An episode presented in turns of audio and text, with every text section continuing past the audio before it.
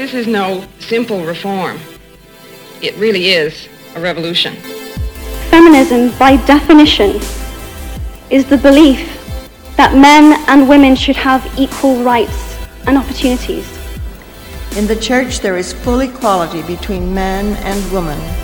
I hope that you know that your legacy will be measured in the service of every woman who follows in the trails that you've blazed, every woman who benefits from your daring and determination.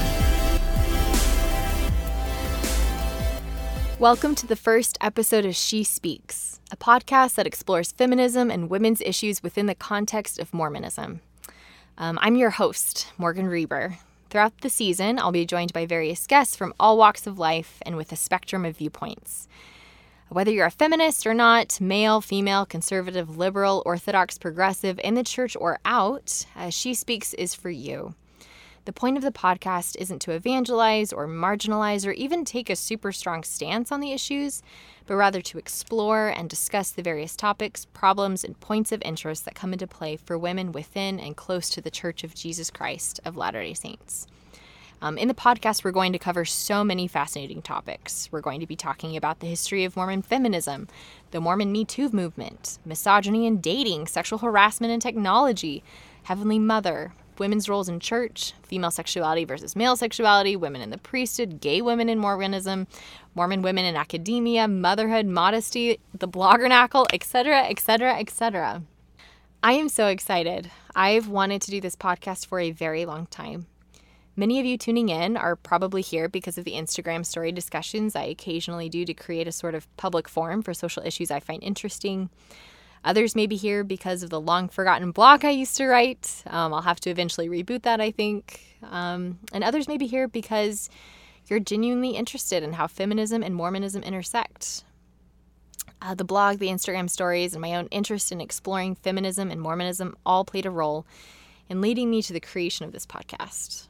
Um, it's been amazing to share my ideas and have people engage and share ideas back and, and to create these important conversations that have been so edifying and eye opening and enlightening. Um, but I would say that the main reason why I created She Speaks is because it doesn't already exist. For a long time, I've been searching for some sort of platform, some sort of blog or podcast or something in which people of different backgrounds and with different opinions come together to discuss what I think is a really important issue right now uh, women in Mormonism, women in Utah, women in Happy Valley.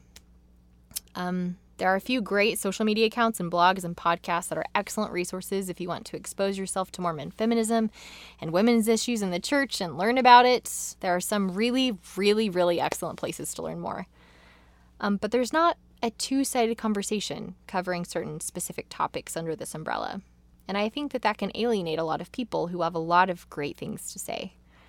Um, another reason why I think we need to have this podcast is because feminism can be such a dirty word in the culture of Orthodox Mormonism. We're afraid of it, we're afraid of calling ourselves feminists, and we're afraid of dating feminists. Um, but I've found that most people aren't actually extremely aware of why they're afraid. Um, it took some intentional research on my part to really understand the history of Mormon feminism and the way our perception of it has changed over the years and why I feel the way I do about it. And it's taken a lot of soul searching and study and conversations to help me understand how I think that I should feel. Um, the title of this episode is Don't Be Afraid. This is a feminist podcast. And that's really what I want to accomplish in this introduction to the season. I want to dispel your fear. I want everyone to set down their pitchforks and preconceived notions. I'm not going to call this a friendly feminist podcast or a maternal feminist podcast or give it any sort of softening qualifier or adjective to help the medicine go down. Um, personally, I've always felt like I needed some sort of preceding adjective when I described myself as a feminist in order to ensure that I'd be accepted and not judged too quickly as a man hater or whatever. Um, I recently had a very kind and wise friend ask me, Why do you need a preceding qualifier? Why can't you just call yourself a feminist and allow your behavior to help other people understand that they don't need to be afraid of you or your feminism? And I thought, You're so right. So, dear listener, know that this is a feminist podcast, and that's a okay. Don't be afraid.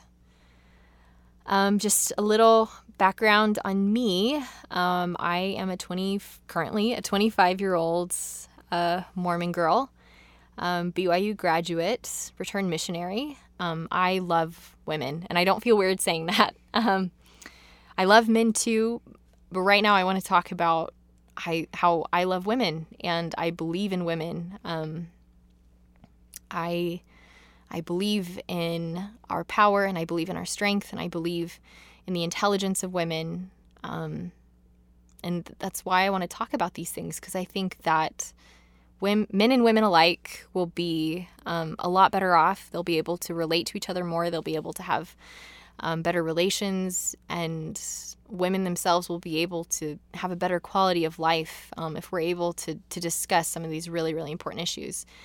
Um, but this is not a one-sided conversation. That's something that's really, really important to me in this podcast is that all groups be represented, um, and that's such an important aspect of this podcast for me that um, that I brought on a producer who is um, I wouldn't say he's your typical straight white conservative male. I think that he uh, he uh, he definitely has some um, some some progressive ideas. But uh, but I want to introduce my producer Jake of Ninjake Productions. Hey there, Jake.